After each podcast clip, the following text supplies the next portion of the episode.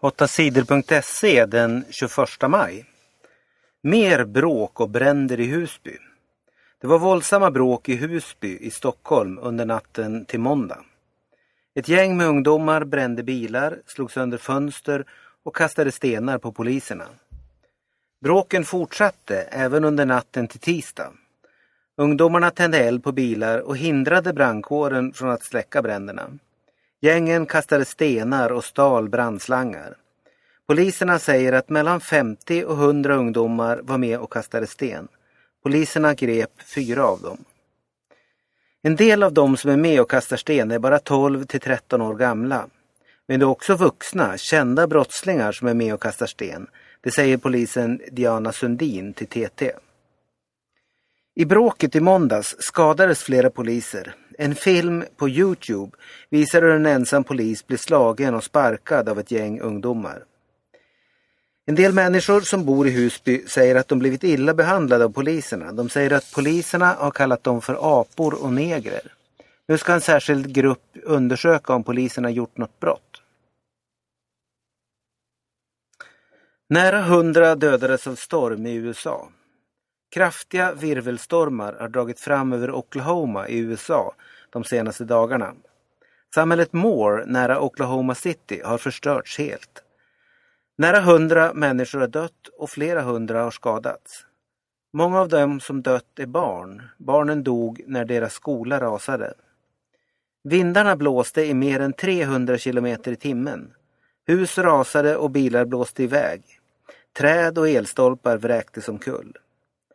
Det är vanligt med virvelstormar i Oklahoma den här tiden på året. Men stormen som drog fram över Moore var ovanligt kraftig.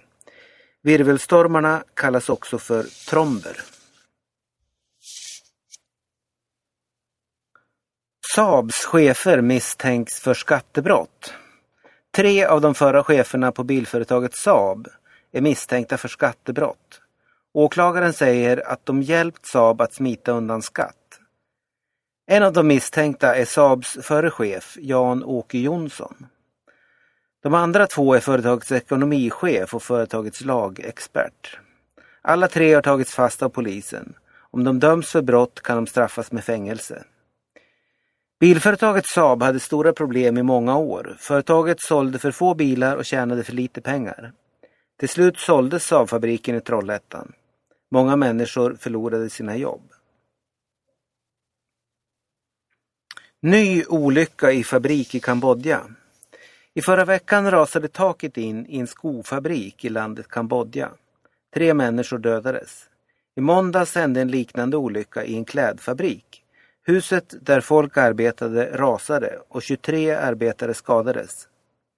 Arbetarna i fabriken syr kläder till bland annat det svenska klädföretaget H&M. Många stora klädföretag köper kläder från Kambodja, Bangladesh och andra länder i Asien. Lönerna i de länderna är låga och de utländska företagen kan köpa kläder billigt. För tre veckor sedan dödades fler än tusen arbetare när ett hus med fabriker rasade i landet Bangladesh. Fler än 50 dödades av bomber i Irak. Många människor dödades på måndagen av bomber i landet Irak. På förmiddagen sprängdes bomber på olika ställen i städerna Bagdad och Basra. Bomberna låg gömda i bilar. 40 människor dödades. Senare på dagen small det igen. Minst 12 människor dödades den gången av ännu en bomb i Bagdad. Den bomben sprängdes i ett område där det bor shia-muslimer. Våldet i Irak har ökat de senaste veckorna. Det är sunnimuslimer och shiamuslimer som bråkar.